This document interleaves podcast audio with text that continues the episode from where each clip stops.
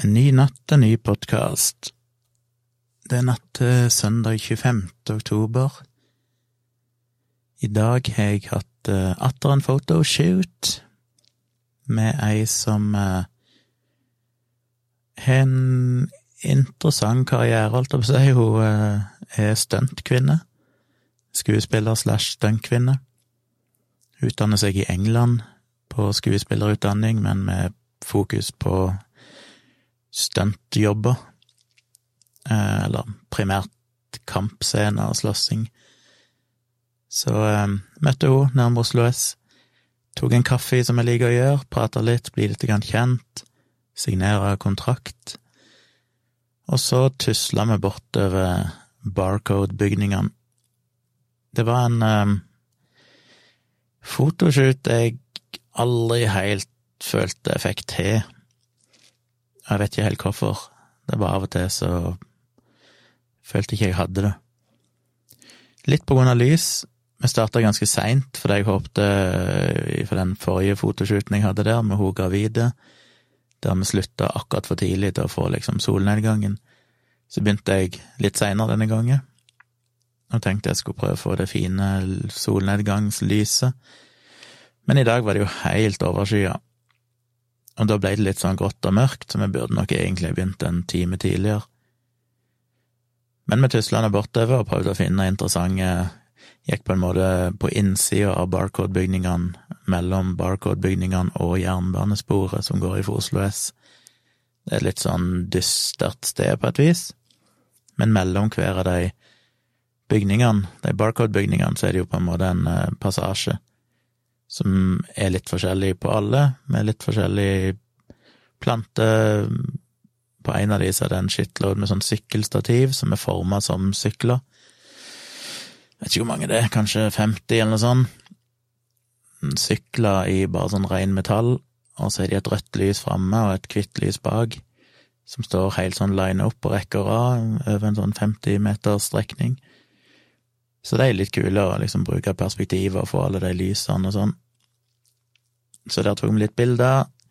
Så fant vi en sånn veldig smal passasje, bare sånn én meter brei, som gikk kanskje 20 meter innover.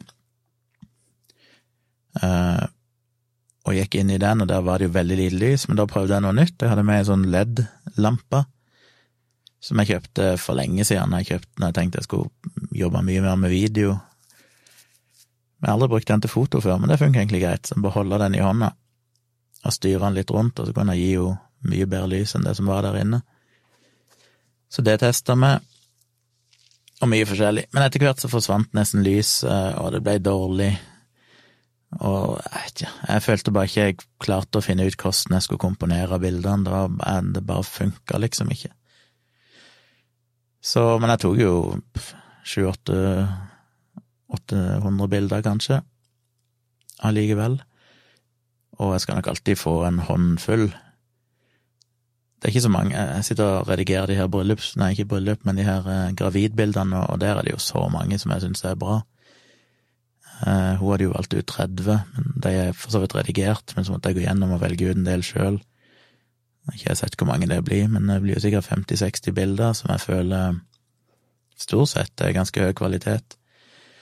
På den fotoshootinga i dag så skal jeg være fornøyd hvis jeg sitter igjen med ti bilder som jeg syns er bra, i beste fall. Så jeg vet ikke, det kan være det endrer seg når jeg begynner å redigere de, at jeg føler mer potensial i de enn jeg tror ved første gjennomkikk, men det er litt ofte opplevd når jeg så gjennom de, for når jeg kom hjem, så bare tenkte jeg shit, det der var jo helt mislykka. Men så importerte jeg bildene i Lightroom og bare kikka kjapt gjennom de, og da tenkte jeg ja, ja, ok, det er noen bilder der som er brukbare. Men jeg vet ikke om det er noen sånne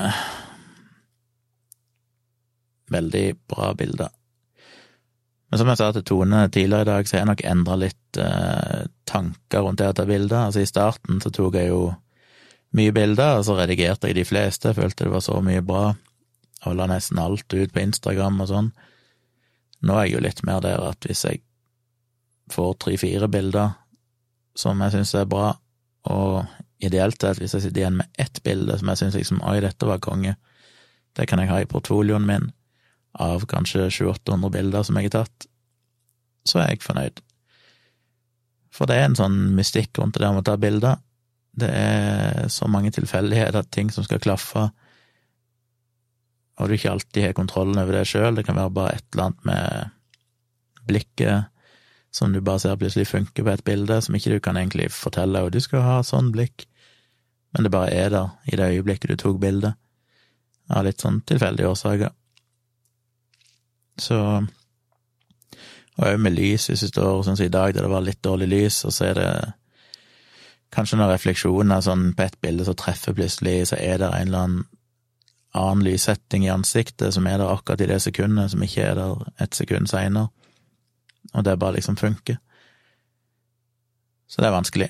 Men jeg er nok litt der nå at eh, hvis jeg sitter igjen med ett bra portfoliobilde av en fotoshoot, så er det bra.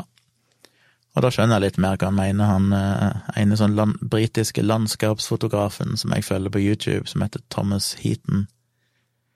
Han sier vel, han har sagt det flere ganger, at hvis du sitter igjen med tolv keepers etter, i løpet av et år, tolv bilder som er bra nok til at du liksom tenker disse er jeg fornøyd med, så, så er det et godt år. Og han er ute og tar bilder i landskap hele tida og reiser rundt i hele verden og sånn, men han er fortsatt der at i snitt ett bilde i måneden, hvis han er fornøyd med det, så er han fornøyd. Og da lager han jo en kalender hvert år der han har tolv bilder, som han trykker opp med og selger via YouTube og nettsider og sånne ting. Men jeg skjønner litt mer hva han sier. Tidligere tenkte jeg sånn, hæ? En som er så flink som han og tar så mye bilder? Tolv bilder, liksom? Men jeg begynner å skjønne hva han mener. Hvis jeg sitter igjen med ti til tjue, i hvert fall ti, bilder i løpet av et år som jeg tenker dette bildet er jeg stolt av, så så er det egentlig ganske bra. Hvis en klarer å produsere såpass. Så det var nå igjen, som jeg alltid sier, lærte noe nytt i dag òg. Prøvde meg litt mer med blits, prøvde meg litt med det LED-lyset. Eksperimenterte litt. Oppdaga alle tingene jeg er dårlig på, som er mange. Oppdager mine svakheter, som jeg må jobbe mer med. Så det er jo en lærerik prosess uansett. Jeg, det eneste jeg bare føler sånn, jeg er redd for å skuffe henne. Jeg føler at det er så kjipt hvis jeg føler at jeg ikke har noen bra bilder til henne. Men jeg får satse på at jeg at hun blir fornøyd. Så det var dagens fotoshoot. Tone og Maja traska rundt i byen imens jeg tok bilder. Så handla jeg litt på Oslo S på Coop-en der før jeg tok toget hjem. Og så lagde vi hamburgere, for jeg var så sliten, måtte bare ha noe lett, så jeg kjøpte noe glutenfri hamburgerbrød og vanlig hamburgerbrød til meg, og noen hamburgere og noe salat og hamburgerost og sånn.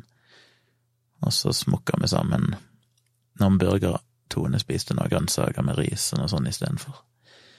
Og det var godt.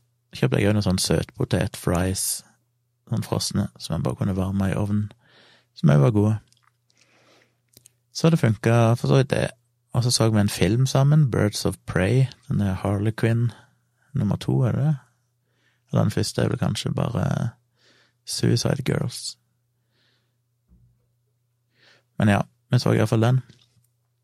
Og den var ganske kul. Tone og Maja likte den veldig godt. Jeg òg syntes den ble spesielt kul mot slutten, så ble den kul. En god underholdning. Eh, så det har vært dagen i dag. Ellers så vet jeg ikke om det har skjedd så mye. Jeg sitter og digger det nye albumet til Nick Kershaw. Oxymoron heter det. Som kom ut eh, Snakka jo litt om han før sommeren, for han slapp jo en sånn preview med en sånn EP med fem eller seks sanger på. Men nå nylig så kom hele albumet, som har 16 sanger, og det er altså så bra. Og det vokser på meg hele tida. Første gang jeg hørte det, tenkte jeg sånn ja, hm, her er det jo ting som er ok. Og så bare hører jeg det, og så bare tenker jeg shit, det er jo bare så genialt. Og igjen, med han, som jeg alltid elsker med han, det er at han lager jo fantastisk fengende popmusikk. Men når du begynner å høre etter, så merker du at oi, her er det noe mer under overflata.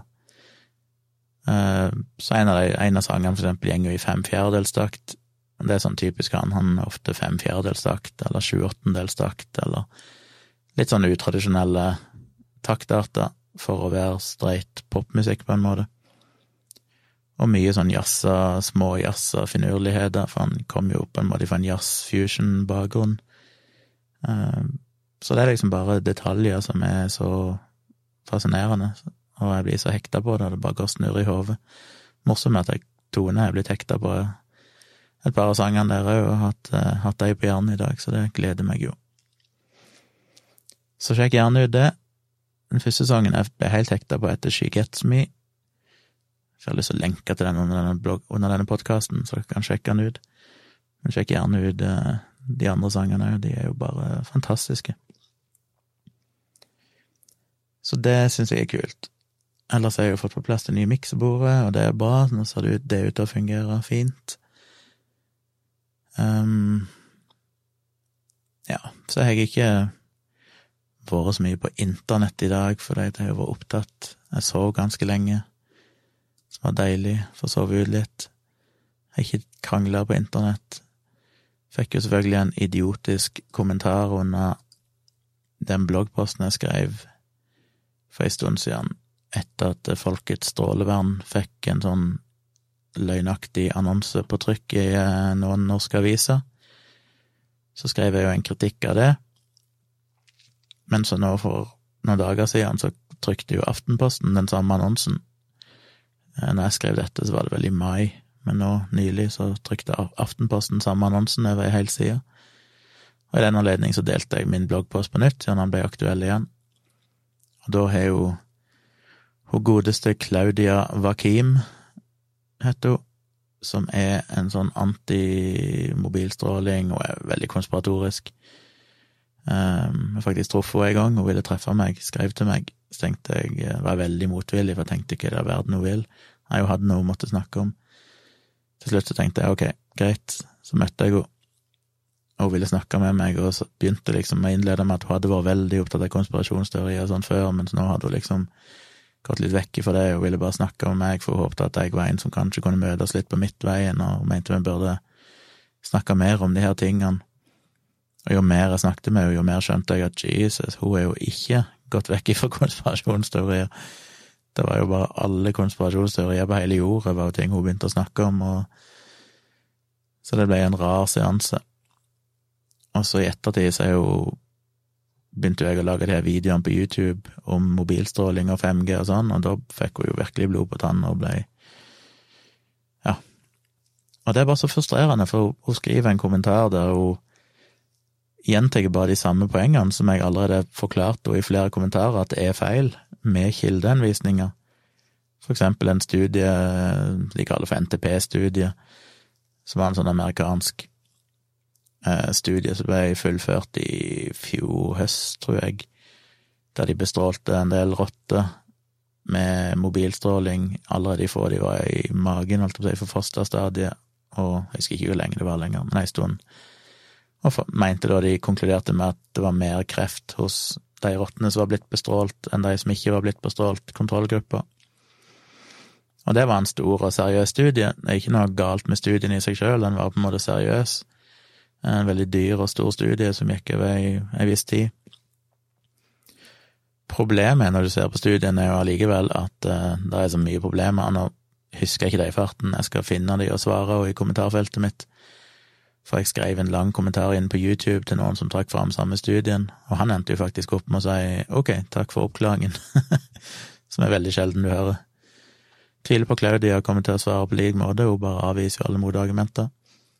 Men det var sånne ting som at du fant for eksempel bare økt kreft hos eh, var det hannrotte, men ikke hos horrotte, eller motsatt, som virka lite sannsynlig at det da skulle være en reell effekt av strålinga, eh, pluss at det var såpass lite forskjell at hvis kontrollgruppa, hvis ei rotte i kontrollgruppa hadde utvikla kreft gjennom ren tilfeldighet, så ville hele den statistiske signifikansen forsvunnet. Og det at ingen i kontrollgruppa fikk kreft, var faktisk uvanlig, for normalt så vil de rottene utvikle kreft i løpet av så mange måneder som den studien pågikk. Så det var mer en slags tilfeldighet at de i kontrollgruppa ikke fikk kreft. Som gjorde at det da fremsto som at de i strålingsgruppa faktisk fikk mer kreft enn det de skulle. I tillegg så var det mange rare ting med Jeg husker ikke, de testa vel både mus og rotte, og jeg husker ikke, men det var noen sånne ting som bare ikke virka plausibelt i det hele tatt, hvis det faktisk var en konsekvens av at de ble utsatt for mobilstråling. Eh, og det, ja, og det virker òg som en form for p-hacking, der du rett og slett tester så mange forskjellige ting at gjennom ren tilfeldighet så vil en av de være positiv. Og de hadde jo da testa forskjellige strålingsdoser eh, for to forskjellige arter, to kjønn, og når du da begynte å Hvis du så liksom på helheten, så var det egentlig ingen effekt. Men hvis du begynte å bryte det ned på at du bare så på rottene, og bare så på horrottene, og bare så på kreft i ett spesielt organ, så fant du en overhyppighet hos de som var bestrålt. Men det kan du nesten finne med alt, hvis du begynner å grave deg ned sånn, for jo flere endepunkter du velger ut, jo større sjanse er det for at en av de vil være statistisk, bare gjennom statistisk tilfeldighet, vil slå ut positivt. Eh, så det var mye med den studien som ikke egentlig var så veldig overbevisende når det kom til alt. Og det sier de jo sjøl òg, de som sto bak studien, har jo gått ut og sagt at eh, det var ja, at de kan ikke bruke den, du kan ikke bruke den studien til å si at mobilstråling gir kreft. Men det bryr seg jo ikke om, og en kan jo forklare disse problemene til de tusen ganger, men det vil de ikke høre på, for den studien passer de så godt, for det er liksom en stor og rigid og god studie, og da er de jo ikke interessert i å høre at det kanskje var noen problemer likevel. Så jeg skal Ja. Og hun Problemet med hun, som jeg prøvde å forklare henne mange ganger, er jo at og det er det som er så frustrerende med disse folkene, at de har en sånn fundamental manglende forståelse for hvordan forskning virker.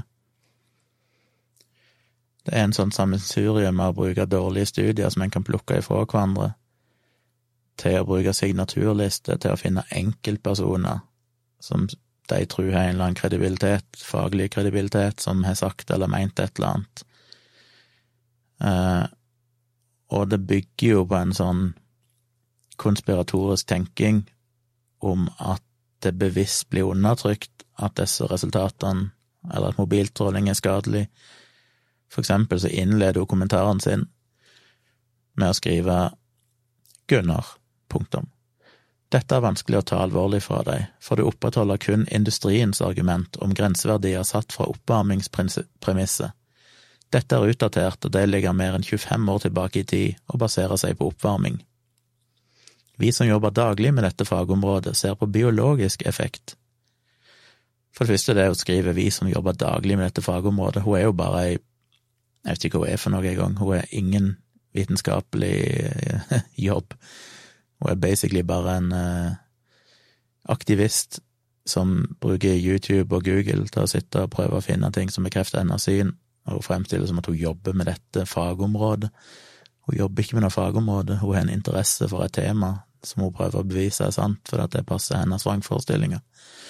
Og jeg er litt sånn Det er litt sånn trist med henne, bare fordi at jeg har sett på Facebook-sida hennes at hun lar dette gå utover ungene sine. Hun har unger som hun åpenbart driver og skremmer med denne propagandaen om at mobilstråling og elektronikk og alt dette her er farlig, og det er det jeg synes er så jævlig kjipt med det her. Det er én ting om voksne mennesker velger å innbille seg at dette er farlig, men det å oppdra små unger i den frykten med en sånn ekstrem vitenskapelig ignoranse, syns jeg er rett og slett barnemishandling.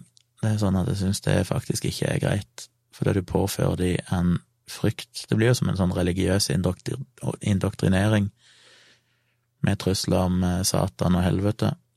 Det er egentlig på samme nivå, bare overført til en annen vrangforestilling. Men hun snakker også om at det er industriens argument om at grenseverdier er satt ut fra oppvarmingspremisset, som jeg òg har forklart om mange ganger er feil, men det er jo en sånn Det er et sånt argument som høres overbevisende ut for folk som ikke har satt seg inn i det.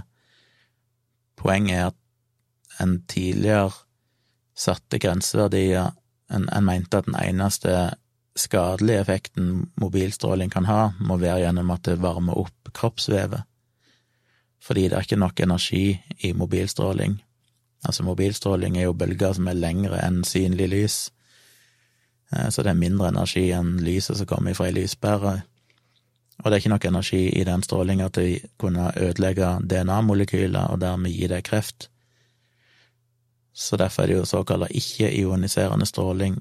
Det, altså, det kan ikke gi deg kreft gjennom at det bryter molekylbindinger. Eh, men så er det jo da spekulasjoner om ja, men finnes det andre måter det kan gi deg kreft på, for disse folkene mener jo innbitt at det fører til enorme mengder med kreft i hjernen sånn, selv om Det norske kreftregisteret for eksempel nylig gjorde en stor gjennomgang av statistikken for å sjekke om det fantes noen økning i krefttilfeller i hjernen de siste 20 årene, og fant at det var det ikke. Så allerede det rakner argumentet, bare det at om du så mente at de kunne finne en mekanisme, så glemmer de at ja, men hvis du ser på folk i praksis, så er det jo faktisk ikke mer kreft, så da, da jo, faller jo det litt på sin egen urimelighet. Men de satte disse grensene, grenseverdiene for hvor mye mobilstråling som er tillatt ut ifra at eh, det kan ikke gi deg kreft gjennom at det bryter molekylbindinger, det er fysisk umulig, men det kan oppvarme kroppsvevet, oppvarme huden og trenge litt ned i huden og varme opp, og kanskje det kan ha noen biologiske effekter. Så derfor har de satt, og selvfølgelig får du for sterk stråling, så kan du jo få brannskade, holdt jeg på å si. Um, men da skal det jo være enorme mengder, som selvfølgelig er langt vekk fra det vi faktisk blir utsatt for. Men så er jeg da vist til studier, og lenka til studier, for poenget mitt var at ideen her er jo om at industrien bare ignorerer dette. De satte noen grenseverdier for 25 år siden, og så bryr de seg på en måte ikke. Men de bryr seg.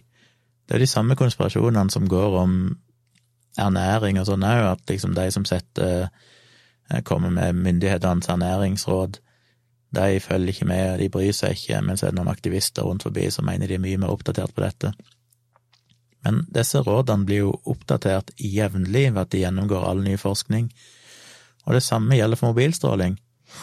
Og jeg lenker til dette, de har gjort metaanalyser der de ser på andre mekanismer enn oppvarming, enn eh, molekylbrytinger, for å se om det finnes andre biologiske effekter, og finner ikke det. Finner ikke at disse her tingene er problematiske. Så det er jo helt feil det å si om at disse premissene er 25 år gamle. Men det er jo liksom hvor mange ganger skal du forklare det til dem og vise det dokumentasjon før de begynner å skjønne at det er sant? Det ironiske er jo òg at de motsier seg sjøl, for at hvis de mener at at disse mekanismene, som da per definisjon må bety at strålingen trenger inn i kroppen, som mobilstråling til en viss grad gjør, den trenger litt inn i kroppen, han har nok energi til det, mens 5G-stråling eh, ikke den 5G-strålingen som er i bruk i dag, som er basically samme bølgelengde som 4G, men det som forhåpentligvis kommer i framtida, som er millimeterbølger, altså veldig sånn kortbølger, eh, elektromagnetisk stråling, som gjør at du får de der enorme hastighetene dere kanskje har lest opp, der du kan få sånn et par gigabit uh, per sekund download, men som er en enorm kort rekkevidde for de trenger jo ikke gjennom vinduer engang, trenger ikke gjennom vegger og vinduer. Så du kan ikke få det til å Kan ikke sette opp det i en by, holdt jeg på å si, og få den 5G-en innendørs. Og den trenger ikke heller gjennom huden, den stopper helt på utsida av huden, så den går ikke inn i kroppen i det hele tatt, for det er for korte bølgelengder. Så igjen, da er det òg rart at de blir enda mer redd for 5G, når 5G per definisjon, gjennom ren rene fysiske lover faktisk ikke engang kan trenge inn i kroppen, så skulle en jo tro at det var mye mindre farlig. Men nei, de bryr seg ikke så mye om eh, realitetene. Så jeg må få skrevet et svar til henne. Jeg jo en eh, henvendelse som jeg kom på akkurat nå, for nå fikk jeg plutselig et svar på denne tida døgnet. Jeg ble spurt av eh, ei gruppe som holder til oppe i Trondheim, som jobber med eh, Nå prøver jeg å hente inn den mailen, men han vil ikke laste. Men et eller annet var noen psykologer og studenter oppe i Trondheim som hele en gruppe som har mye fokus på seksualitet. Og de skulle arrangere, de har gjort det hvert år, tror jeg, skal arrangere i februar ei sånn ei, ei ja, noe som heter for Uke seks, som sikkert betyr at det da er i uke seks. Han sa jo at det var i februar, jeg kobla vel ikke, men ja, sikkert i uke seks i 2021. Og lurte på om jeg ville komme opp og delta, for han hadde hørt meg snakke ganske åpent om seksualitet og sånn ideologisk. Eh, så det sa jeg for så vidt ja til. Skal vi se hva han skriver. Ja, snakke om eh, Kanskje delta i en paneldebatt med en diskusjon rundt positive og negative sider ved monogami og polygami. Temaet skal visst være tabu, så da kan de ha mye forskjellig på programmet. Men ja, det har jeg lyst til å være med på. Det som alltid er vanskelig med sånne forespørsler, er jo selvfølgelig har de tenkt å betale? Eller regner de med du skal gjøre det gratis? Jeg hater når ikke folk skriver noe om det, for da ender det opp til slutt at jeg må spørre, og det er jo det verste jeg vet. Du føler deg så kuk når du liksom må spørre sånn Ja, forresten, eh, honorerer dere den deltakelsen? Og siden dette er ei studentgruppe, eller en eller annen studentorganisasjon, så tipper jeg at de svarer som de alltid gjør, at vi har dessverre ikke så mye penger på budsjettet. Eh, men selvfølgelig må de dekke reise og opphold, ellers gidder jeg ikke reise opp. Jeg gjør ikke det for egen regning. Men det hadde jo vært greit å få noe betalt for den tida en bruker, og for Det er jo en grunn til at de spør, i dette tilfellet meg, men òg andre i forskjellige sammenhenger. Det er jo fordi du faktisk har noe å komme med som burde ha en eller annen verdi. Og når jeg reiser opp der, hvis det er midt i ei uke, og det ser sånn ut, ser ut til å være på en onsdag, så må jeg sannsynligvis ta noe fri fra jobb, som da teknisk sett betyr at jeg må bruke liksom en feriedag, eller ha mindre lønn. Så det er alltid litt irriterende med sånne ting. Eh, det er jo selvfølgelig mennesker i Norge som mer eller mindre lever av sånne ting, som ikke har en dayjob som de må gjøre, og som kan da drive på med sånt. Enten det er som en del av eh, at de jobber mm, på et universitet, eller jobber på et eller annet, jobber med formidling, eller jobber i en eller annen organisasjon, der det er en del av jobben deres, å rundt og delta og prate og holde foredrag. Men for sånn som meg, så er det jo bare en minus i regnskapet mitt hvis jeg må opp og gjøre sånt uhonorert. Så er det jo opp til meg, da, om jeg tenker at det er viktig nok til at jeg føler at jeg på ren idealisme burde gjøre det. Og det gjør jeg jo ofte, bare fordi jeg tenker det er kult å bli spurt, og jeg syns det er et viktig tema som jeg føler jeg har mye å si om. Men det føles litt sånn urettferdig. Jeg har jo merka det på Jeg holdt noen foredrag og sånn for lege, eh, ja, Legeforeningen og forskjellige sånn eh, helse... Ja, hva heter det, helseorganisasjon, eller helse... Jeg vet ikke hva ordet er for noe, men Legeforeningen og tilsvarende greier og de opererer ofte med at du får ikke et honorar liksom ut ifra det jeg pleier å ta, men du får det i henhold til en sånn vanlig eh, honorarliste, prisliste, holdt jeg på å si, eh, som gjerne er sånn én times deltakelse, da får du ja, 1250 kroner eller noe sånt. Som jo for min del er rent tap, basically, for jeg må jo føre det som inntekt. Da forsvinner jo en god del av det ja, Først så mister jeg jo momsen. Eller jeg har kanskje ikke moms på sånne ting. Nei, det er vel momsfritt når jeg holder foredrag. Men jeg må iallfall betale skatt av det. Da sitter du igjen med at du har redusert det med en tredjedel. Og så eh, er det jo den tida jeg bruker. Det er reisetid, det er forberedelser. Så du sitter jo basically igjen med å kanskje ha fått en betaling for én time men du bruker jo uendelig mye mer enn det på å holde et foredrag. Bare det om det så er et foredrag i Oslo som jeg ikke trengte å forberede meg til, så må jeg som regel regne kanskje at det går tre timer, for jeg skal komme meg der. Jeg må som regel være der en halvtime før, iallfall. Og etterpå så blir det ofte litt prating og ting som skjer, før du kan komme deg av gårde igjen, og så kommer deg hjem. Så det er liksom tre timer, så får du betalt for én time. Hvis i tillegg et annet sted i landet, så går det jo én eller to dager av min tid, og så får jeg betalt for en time.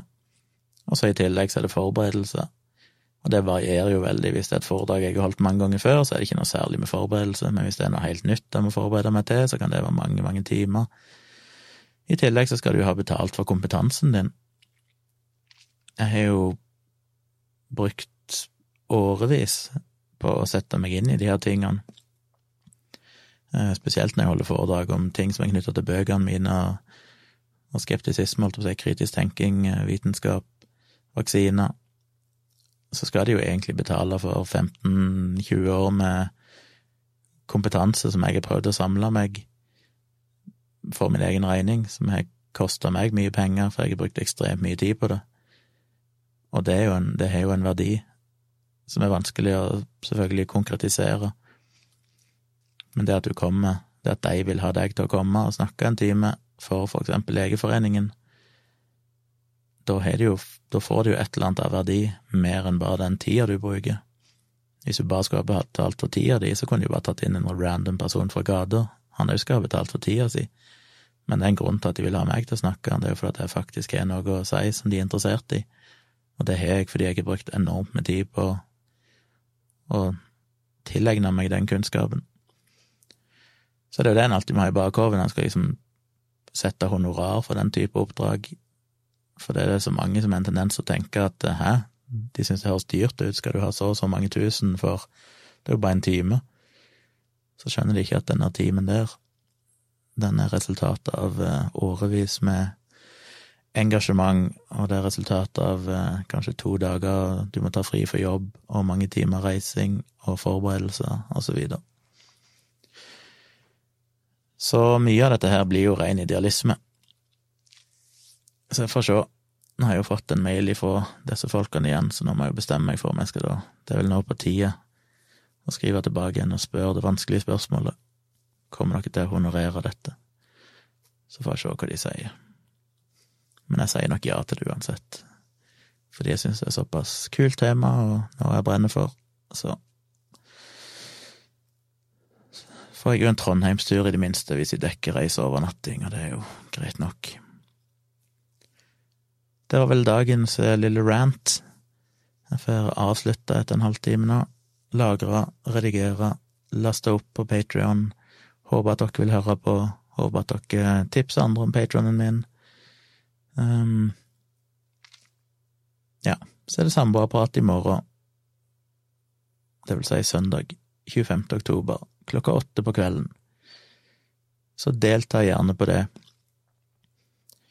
Um, tror jeg skal gjøre samboerpraten i morgen åpen for alle. For moro skyld. Ikke alle, alle, men alle mine patrons, for normalt er det jo bare de, de som er blodfans og VIP-medlemmer men jeg tror jeg skal gjøre den tilgjengelig for uh, støttemedlemmer òg i morgen, sånn at alle kan få se. Det er jo litt koselig å gjøre det av og til. Så da håper jeg vi ses klokka åtte søndag kveld. Uh, kom som vanlig gjerne med tips og innspill hvis det er noe dere vil jeg skal snakke om, eller vi skal snakke om, eller jeg skal snakke om i podkasten. Det er jo alltid verdsatt. Og takk uansett for at dere støtter meg. Jeg syns jo det er en uh, gøy reise jeg er på akkurat nå, med å prøve å bygge opp en, uh, en liten business på dette her, med alt jeg driver med av YouTube og foto og blogging og podkast og foredrag, og håper at jeg kan bygge det opp til å bli noe uh, som jeg kan kanskje i større grad vie tid mye til. Jeg er jækla frista etter hvert å ta noe permisjon for jobben i en del, sånn halvpermisjon eller et eller annet, for å kunne bruke mer tid på de her tingene. Men eh, det er litt sånn risky økonomisk ennå. Skulle hatt eh, flere patrons, men det må jeg jo gjøre meg fortjent til, så da må jeg bare prøve å lage mer innhold som gjør at folk får lyst til å støtte meg. Men det hjelper jo hvis dere tipser folk og sier at eh, dere hører på denne podkasten, eller hvis dere har hørt noe interessant å snakke om, tips gjerne andre om det. Og sier at han har Tjomli, han snakker om det i podkasten inne på Patron. Så kan jo være andre får lyst til å få med seg dette. Vi får se hva som skjer framover. Da er jeg ferdig for i kveld. Håper dere har en fortsatt fin helg og søndag. Håper vi ses på Samboerpraten. Og så er jeg tilbake igjen med podkast på mandag. Vi snakkes.